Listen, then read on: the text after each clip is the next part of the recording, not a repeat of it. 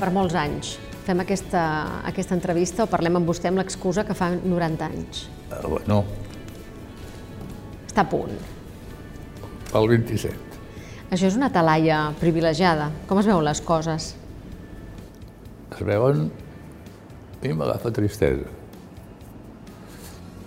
M'agafa tristesa perquè en la vida s'han de tenir il·lusions.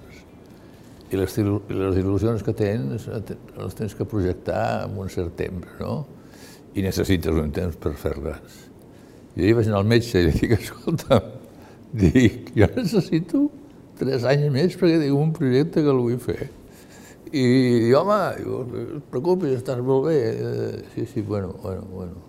Però després surten problemes i temes de, temes dels ajuntaments, de llicències, però bueno, no sé, encara, encara el tinc al cap, eh, veurem si... Quin és aquest projecte? Perquè estic això segura no que el veurem. dir, No t'ho puc dir, això no t'ho No me'l pot dir. Però té alguna cosa a veure amb, alguna, amb una, alguna recuperació de patrimoni, això segur. Sí, esclar, també, això també. Eh? Eh, Antes volia fer amb un patrimoni que no era meu, que tenia que comprar, i ara ho vull fer amb un patrimoni que és meu i estic esperant que se'n vagi l'inquilino.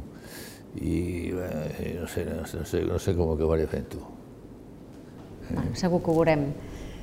Espero. Estem, estem vivint temps interessants i alhora terribles. Com, com viu una persona que s'ha dedicat tant a la, al món de la farmàcia, de la, dels medicaments, de, de, de la salut, una pandèmia com la que estem vivint? Home, és, és, és horrorós, perquè és una pandèmia a més no se'n sap res, perquè quan és no sé, una pandèmia d'una malaltia coneguda tens molts remeis, però quan no se sap res, però absolutament res, ni els metges ni, ni, ni, ni els investigadors encara, encara que diuen que sí, però no se sap si els anticossos eh, eh, duren uns sis mesos o vuit mesos o un any o, o se'n van. Eh, és un drama. Per, per poder parlar d'això, els científics se senten eh, verdaderament eh, aturats, no? I, i verdaderament no hi ha que veure que els, els polítics igual, perquè a més això arruïna, arruïna o, o posa en situacions molt difícils empresaris, eh, a inversors, a tothom. Jo, jo tinc ara, per exemple, eh, la, la, jo quan vaig fer la fundació vaig, vaig dotar-la d'un patrimoni, però és que eh, el patrimoni pues, era, en part era, eren eh, temes econòmics, en part eren lloguers, en part era compra de locals. Escolta'm, els locals, eh, segons quins no et paguen, els altres eh, et demanen rebaixes, els altres, o sigui, si jo tenia una quantitat destinada per fer les activitats de la Fundació, em trobo amb que en tinc moltes menys. Llavors vaig, vaig de vendre, eh, vaig de vendre patrimoni, no? I si et vens patrimoni, eh, llavors si et fa, fas plusvalua, pagues molt més per renta. Bueno, és un desastre, escolta. És un desastre. De tota manera, vostè té un pla perquè la Fundació el sobrevisqui. Vull dir que els seus últims Sí, anys... home, esclar, em sobrevisqui, perquè jo, jo, jo sóc dels que, bueno, sobrevisqui. Jo sóc jo i la meva dona. Que la meva dona verdaderament pugui viure, no? Però a la llarga, quan la meva dona desaparegui, ho deixo tot a la Fundació. Però, és clar, si m'ho estan retallant, escolta, no sé si sobreviurà. En aquest moment deu haver-hi milers de farmacèutics i de, i de científics al món, alguns d'ells eh, ajudats per vostè, que deuen estar fent el que vostè feia quan era jove, que era buscar medicaments, en aquest cas una vacuna.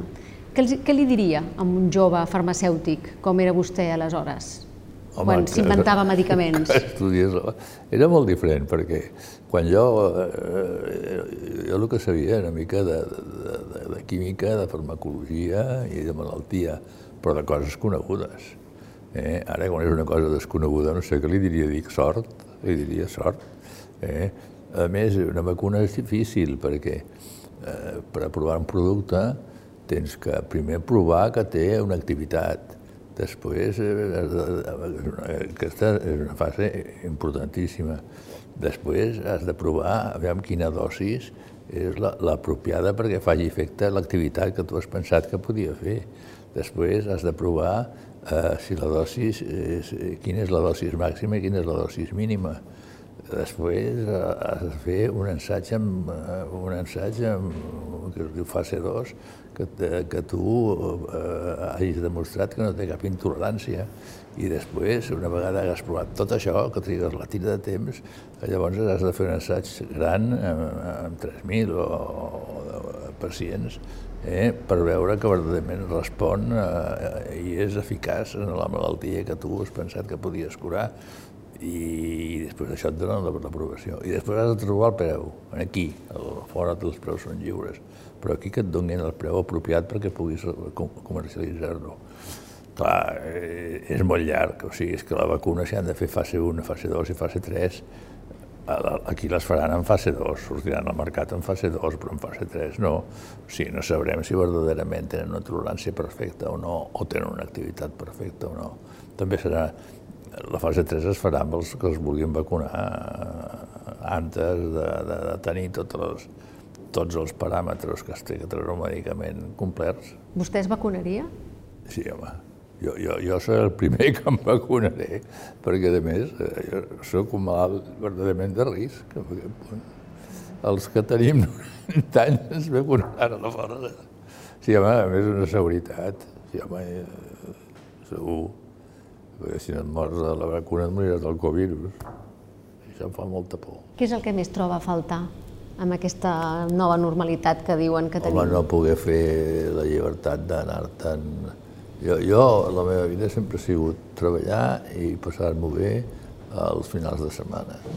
No podia anar, jo, jo, jo des dels 35 anys eh, Valls de Pals, tots els, no he deixat d'anar cap final de setmana. I quan, quan viatjava per l'empresa, uh. -huh. arribava el divendres, haver de quedar-me en el lloc que estava per veure un museu, d'allò, eh? Jo venia el divendres aquí per anar-me'n a Pals el, divendres. I divendres, dissabte, bueno, dissabte i diumenge a Pals vostè diu, en la meva vida de farmacèutic, perquè vostè n'ha tingut, que jo sàpiga, com a mínim dues de vides, la de farmacèutic i la de mecenes, però parlem primer no, de la... Mecenes, no, de mecenes, i de, la dedicada a l'art, uh, sí. diguem-ho així. Sí, 20 anys, 70 farmàcia, 20 uh, art. Parlem, parlem de, de la farmàcia.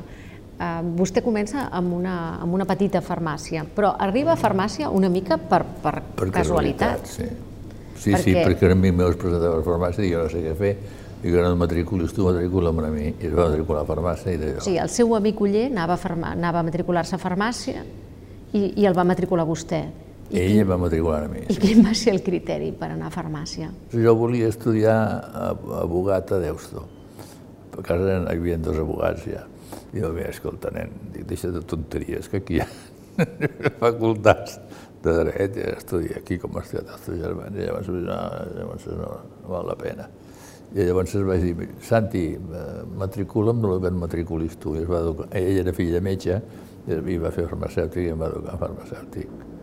Bueno, sabia si fer-me farmacèutic o, o filosofia i lletres. Dic, home, dic, matricula on vegis que hi ha unes nenes més mones, no? I diu, home, diu, mones, diu, potser van més menys arreglades les de farmàcia. Pues a farmàcia,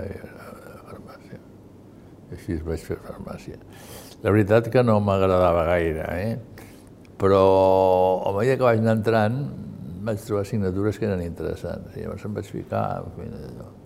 Ara, i a més vaig pensar, bueno, farmàcia et compraran, compraran una farmàcia i, i podré, pues, bueno, per almenys sobreviure, no?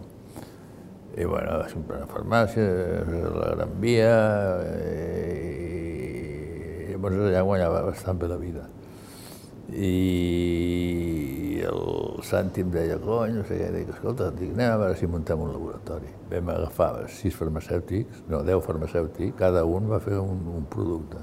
Un va fer un xarop, l'altre va fer els supositoris pel coll, pel pit i, pel, i per la febre, els altres van fer una pomada, jo me'n recordo que vaig fer unes gotes pel nas i una pomada pel reuma.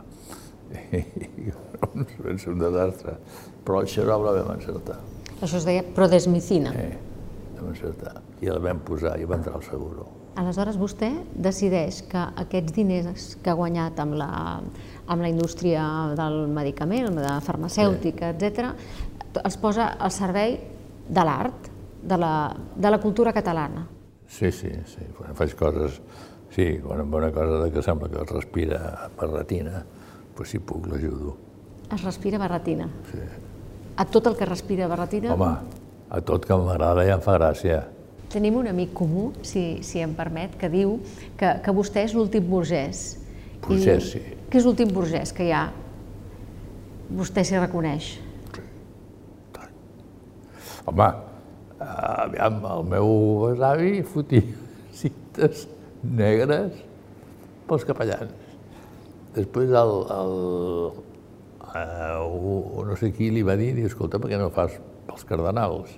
I llavors es va venir, no, el meu rebesavi, i llavors l'avi, llavors es va, no, el meu avi no, el, el pare del meu avi, va dir, home, si fas per capellans i pels cardenals, diu, fes de tots colors que em vendrem molt, llavors es van fer diners. Llavors és el meu avi, que bueno, vivia a Manresa, llavors és el meu avi, eh,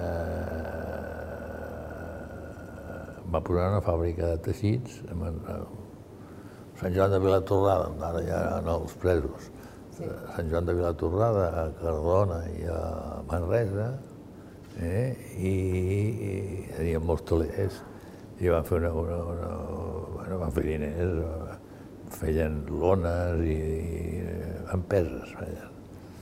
I, bueno, però després també va anar malament la fàbrica, se la va vendre, però, vamos, però, però, però van fer diners. I el meu pare es va morir molt jove, i llavors treballava el meu germà gran, i, i res, i se'n va anar a l'aire a la fàbrica. Però bueno, es va deixar una finca a Manresa i d'allò, en fi. Vostè, vostè ha citat els presos. S'hauria imaginat eh, que a dia d'avui eh, a l'Espanya contemporània hi hauria polítics independentistes presos?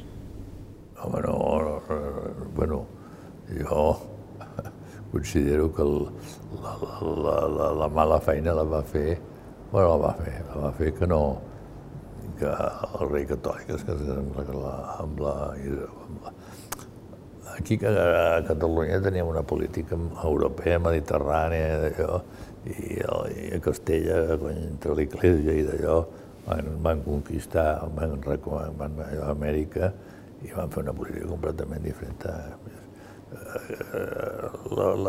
El casament, bueno, vol no tenir fills, i ens va anar, en aquest matrimoni va ser, va ser un mal pac, una, mal, una mala fusió, va ser com nosaltres amb l'almirall. sí. Aquesta mala fusió, com la podem superar? O com es pot superar políticament?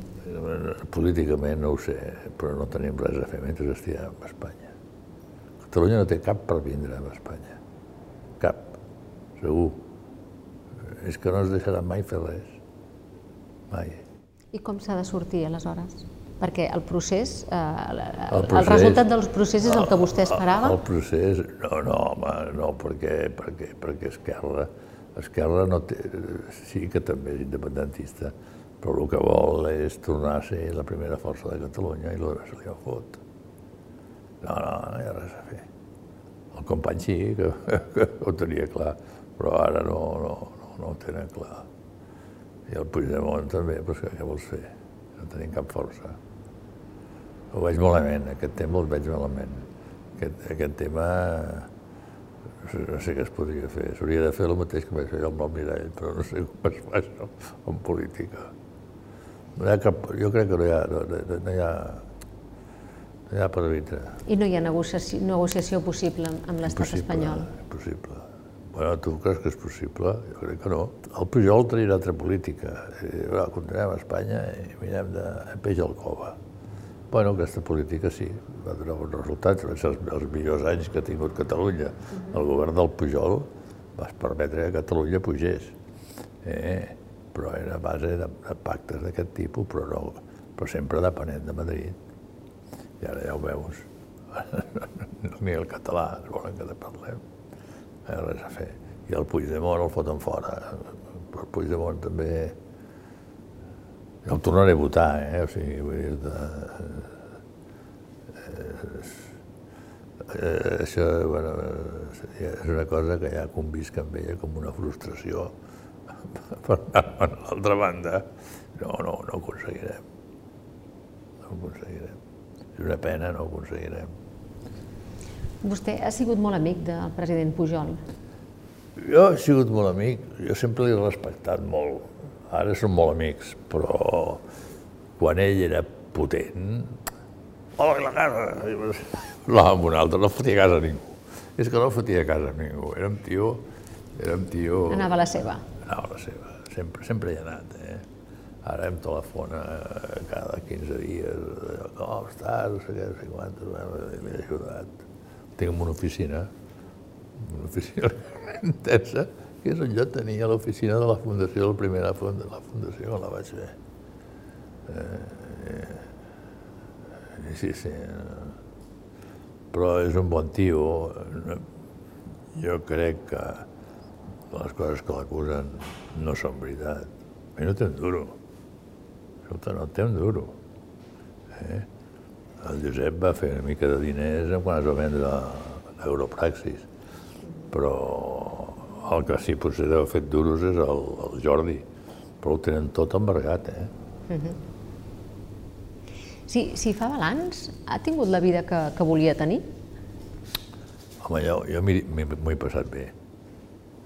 M'ho he passat bé. Fent el que he fet, amb problemes i no d'allò, d'una manera o altra m'he anat sortint. M'he anat sortint i, bueno, i ara tinc un projecte eh, que em fa molta il·lusió, però cony, em volien cobrar molt el pis que volia comprar, eh, estic esperant, dic, va, cony, per què vols comprar un pis perquè tens una cosa igual? O sigui, ara estic mirant a veure si recupero això per fer aquest projecte, que és un projecte que he perdut ben bé 6 o 7 mesos aquest any treballant-hi, eh, que vull, vull, vull... A mi m'agraden molt els toros, mm. i i, en fi, vaig fer una cosa, una cosa original, no sé si no sortirà o no sortirà. Una cosa relacionada amb els toros? Sí. No, vull, vull, aviam, Catalunya, a l'època de Felip IV, va ser la, la, la, la part d'Espanya que feia més corrides de toros. A Olot va haver la primera plaça de toros. Uh mhm. -huh. eh? I, i, home, i a mi m'agradaven molt els toros amb l'Uller anàvem de petits, als 11 anys, als 11, no als 11 anys, i érem a preparatoris a ingrés. Uh, anàvem, agafàvem, no sé si volia, dos pessetes, i anàvem d'anar a veure toros. Eh? Després vaig ser molt amic del Balanyà, vaig conèixer molts toreros. Uh, Però vostè és especialment fan del José Tomàs. Sí, sí, home. Sí, sí, jo vaig fer la sala de, de tauromàquies al museu, per el José Tomàs, i tinc unes fotos del, del Madueño, el José Tomàs molt maques, d'un quadre del casa molt maco, i havia de venir ell a inaugurar allò. I no puedo venir porque tengo que ir a, a Tierras Calientes, no sé, a, a torear a uh -huh. Tierras Calientes porque yo soy de allí, bueno, he ido allí, me he hecho allí, i, i la van agafar. I llavors ja no he vingut més. I aquest nou projecte, per tant, tindria alguna cosa a veure amb, amb, amb el toreig o amb la tradició catalana del toreig? Sí, home, és una tradició que, clar, els de la meva època ho recordem pues, amb pena quan vam entrar els toros. Eh? La gent jove tant li fotrà, però eh, vull deixar palesa que els toros van ser que, que, que, bueno, que sí, que és una d'allò espanyola, però que, que en Catalunya havia arraigat molt fort. Eh? i amb un personatge, un artista també, que també eh, és molt allò, però que el Franco li va fer, va tenir 40 anys i van cremar 75 llibreries, perquè, llibreries perquè, perquè tenien llibreries o galeries d'art que feien exposicions d'aquest artista i vull, vull, vull rendir-li homenatge a aquest artista, perquè hi ha un llibre molt bonic que parla d'això. I amb el llibre, amb l'artista, i amb els quadres que tinc jo de toros, voldria fer un espai, eh? Eh, però no el puc fer-ho ni a Palafrugell, ni a Torroella, ni a allò. Mm -hmm. Bueno, ara ja tinc Olot, ja tinc també Vilaseca, en fi, el que vaig fent és, és, és itinerant el meu fondo per tota Catalunya per fer veure, bueno, per, per, per, per estimular, però hi ha pobles que no hi ha manera per fer. I com es diu aquest artista? No. No m'ho dirà? No. Bueno, ja, No, ja, ja, ens, ja ens ho dirà. Ja ens ho dirà quan ho acabi. És que perd, sí, sí. Ja ens ho dirà quan acabi. Ara estic a punt a veure si recupero una, un edifici, que potser el recuperaré, que és meu, i llavors em ve de comprar un edifici que per mi valia 6 i me'n demanaven 8, i, jo, però dic, no, no, no. També no és moment tampoc de gastar els diners alegrement per un capritxo. De permetre's un caprici als 90 anys, potser sí, no? Sí, això sí, però també llavors es, potser podria posar en perill el, el, el, la marxa de la Fundació, que ara porta una marxa molt maca. Vostè deia, he llegit algun lloc que deia, si hagués volgut fer-me ric, hagués fet una col·lecció de Picassos i Mirós. Sí, esclar. En canvi, vostè ha fet una col·lecció completament diferent, que en No, home, realitat jo- el que ha fet és una, fet- una època, no? No, jo, sí, no, sí, jo, jo he fet una col·lecció, però no, ja, protegir els artistes d'aquí, que no ningú... Recuperar trajectòries de, dels pintors catalans que han sigut grans pintors i que no d'allò. Eh?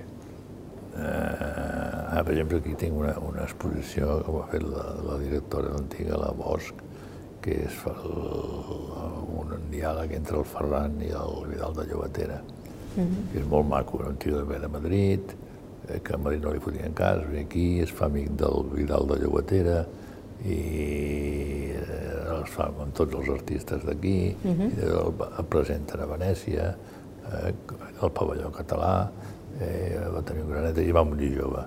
Però les cartes que entre, es cruçaven entre el Ferran, que era madrileny, però que sembla que fos català, no? i el Vidal de Llobatera, i tots els artistes de l'època aquella, eh, de l'any, no sé si era 20 i pico, eh, està recollit aquí, que està en una molt gran exposició. I, bueno, després he, he recuperat el Clarà, allò, després he ajudat a la Miró, en fi, sí. Faig el que puc.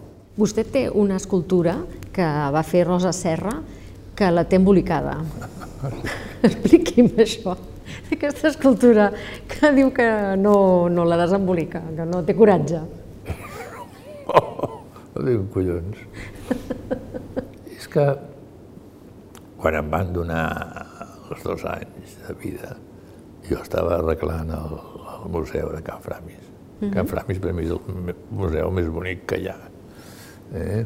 Per tamanyo, per d'allò, per la manera de passar els tubs d'aire condicionat per sobre, per, per els, els encavallats que tenia la- allò, eh, i m'agrada molt. Però aquesta escultura, què hem de fer? Amb Ah, aquesta, i la aquesta Serra, escultura me deia. la va fer. I me la va fer molt maca, jo la volia de fang. I preciosa, era preciosa I és vostè. I era jo, sí, sí, era jo. I dic, home, i, i, i, ara, doncs ara me la poses al forn, dius que si te la poses al forn es cremarà, es trencarà. Com la podríem fer perquè sortís més barata? Diu, el guix. Però és que el guix mata les escultures, les, les, les mata. Dic, home, dic, ja em moriré, però coi, no em matis abans. Eh, dic, i què podríem fer per, perquè no, no, no es veiés així? I va fer-la de bronzo. Mm, Això de bronzo. Això de bronzo, eh, ja no sé com és, perquè fa molts anys d'això, però quedava bé. I dic, mira, me l'emboliques, me la poses en un d'allò i me l'envies al magatzem, al de Can Mario. Me la va enviar allà i llavors eh, vaig fer fer una caixa, és com si fos un catafalc, no? I ja. Però tothom topava amb els cantos i es feia mal al magatzem. I jo, senyor Vila, que això hauríem de treure, perquè no la posa? Dic, mira, la posaré el dia dels 80, que faci 80 anys. I la posaré. I, i llavors, quan vaig fer 80 anys, la vaig, eh, vaig treure la fusta i mira, aquesta escultura vull que vagi aquí. I la trauré als 80 anys. Bueno, eh, la despenja, la... Dic, mira, com fotien el Franco a tot arreu, els decapitaven i d'allò. Dic, jo no tinc collons de posar-me jo mateix una escultura en el meu museu. Dic, ja la destapareu vosaltres si voleu destapar-la, si no està. Li preocupa el que pensin de vostè? No, això sí que no. I a més em sembla que té uns versos de Papaseit bastant... Ah, sí. Que li agraden, no, oi? No m'interessa gens, no m'interessa, el que pensin de mi no m'interessa sí. No. No, no, escolta, pot haver-hi tios que diguin que ho he fet bé i molts tios que diguin que ho he fet malament, estàs acostumat a això. Sí, home, eh, cony, eh, els amics em diuen que sóc independentista, però he perdut la meitat, pijos, i l'altra meitat, bueno, que són els, els que pensen com jo, tots, tots tenen carrera, o sigui, i els altres són fills de, o de fabricants o de... en fi. Què hi farem? Però no, no, no em preocupa, no. A vegades quan penso, això m'emociona perquè penso, hosti, et queda poc, però bueno, què hi farem? Jo no me n'escaparé. No ens n'escapem ningú. No. Poc però ben aprofitat, senyor sí, Vilacases. Sí, bueno, ben aprofitat. Sí, sí, sí l'únic que puc fer és, és que la meva dona pues, visqui bé el temps que li queda amb ella també i després que, bueno, que, que aquí m'administrin bé, que és difícil això, eh? És difícil, és difícil. És difícil perquè tothom, tothom, tothom va una mica... Però també em passava en el laboratori, això, però el laboratori el controlava més perquè era més, era més meu, no? no? No era més meu perquè era menys meu que això, però és diferent. Aquí hi ha egos que són més difícils. És difícil delegar, també? Sí. És difícil delegar? Quan un és molt Home, precís amb, la, amb les coses que sí, vol aviam, fer i, perquè com t'agrada fer-ho, no? Clar, aquí l'única força que tinc és que, escolta tu, eh, per exemple, dic, quan comprem, ja tenim un comitè de compra, fins ara no, eh? Fins ara he comprat sempre jo, i per això que sempre he comprat el que m'agrada però hi ha coses que t'agraden més, que t'agraden menys, però sempre hi ha anècdotes i d'allò que et fan veure aquella peça pues, amb més carinyo. Eh? Però en aquest, en aquest sentit, eh, ara, ara he fet un comitè d'allò i dic, bueno, i dic, i com no me la proveu, però a mi m'agradi, la compro jo i la pago jo i la cedé. I continuo pues, fent el que vull. És que, cony, si ho pagues tot i d'allò, eh, i no pots fer el que tu vols fer i tens ganes de fer i et fa feliç. Eh? L'únic que em queda, bé, que et fas gran, són aquestes petites coses. De fet, a vostè l'ha fet feliç eh, ajudar el seu país. Home, sí. Ja. Bé, hi, ha una, hi, ha, hi ha una artista, el Ruestes, que va, ser, que va treure el primer premi de la, de la, de la, de la fundació quan el vaig fer. I, i, i cada vegada que hi ha alguna o passa alguna em porta això. Això m'ho va regalar quan va, eh, li va regalar el Puigdemont. Sí. Eh? Allò, quan va votar el... Quan el 9 de novembre. El 9 de novembre. El, el, el 9 va ser o l'1? El 9 de novembre i l'1 d'octubre es va votar. L'1 I això m'ho va regalar, no sé per què, de catalanitat. I això m'ho va regalar, qui m'ho va regalar? Això, el Mas que es va trobar que li van, tenia 2.000 banderes i no sabia què fer-ne i em va regalar una. I aquí està tot la, el sentiment catalanista. D'una manera o una altra. Eh? Sí, sí, jo que era periquito ara soc del Barça. He llegit una, una cita en un llibre que té a fora del Miquel Barceló que és l'Aureadicta de Sèneca, una cita de Sèneca que diu també s'ha de sembrar després d'una mala collita. Potser és el moment de Catalunya d'entendre això, que ha de sí, continuar però... sembrant després d'una mala collita. Saps què passa? Que la gent d'aquí és molt ronya. És molt? Molt ronya. Sí, home, jo eh, quan vaig entrar... Per mi, el millor pintor català que hem tingut és el Miró. Eh? I quan vaig sentir que el Miró, pues, cony, passava puros per una mala gestió, això és el que fa por, no? perquè vull dir, les fundacions... Bueno, i amb la Sara, la Sara Puig em va dir, escolta, volíem... Dic, home, no sé, me compteu amb mi, vaig fer una donació. Dic, doncs anar molt bé, perquè així a veure si la gent, la gent de, que té més o menys els possibles ho fa, pues, escolta, no ho ha fet ningú. Sí, ho fan alguns, però si jo ho he fet, pues, un milió, 100.000 cada any d'allò, i ara faré una exposició a Can Framis, que també li pagaré, mm. tot això, pues, eh, ningú respongui, tu, ningú. Un dona 25 l'any, i durant 3 anys, eh, però no, no ho entenc. Això no passava abans, tu. l'època del Liceu, la gent que tenia calés, eh, els posava tu i estaven contents de fer. Han deixat de creure en Catalunya? O és que ja no n'hi ha de burgesos? No, ja n'hi ha, però ara s'han tornat burgesos els metges, però els metges guanyen bé la vida, però no tenen molts diners. Eh... Sigui, ha desaparegut la classe mitjana sí, la classe, i els que podrien els industrials, no creuen que en la Catalunya. guanyaven la vida i d'allò. Home, es feien cases, mira aquesta casa d'un burgès, al costat també, al costat també, el del Passeig de Gràcia també. Eh, eh, feien, home, hi havia, feien, eh, el Malagrida, li faig una exposició del Malagrida, que va fer els calés amb cigarrillos i males llengues i altres coses, però va ser un tio que va fer coses per Catalunya, va fer tota la, tota l'ensanxa d'Olot el va fer ell. Eh? Ara... Senyor Vilacases, moltíssimes gràcies no, pel seu home, temps. gràcies a tu. L'únic que parlar de mi, quan parlo de, de èpoques passades, m'emociono. Eh?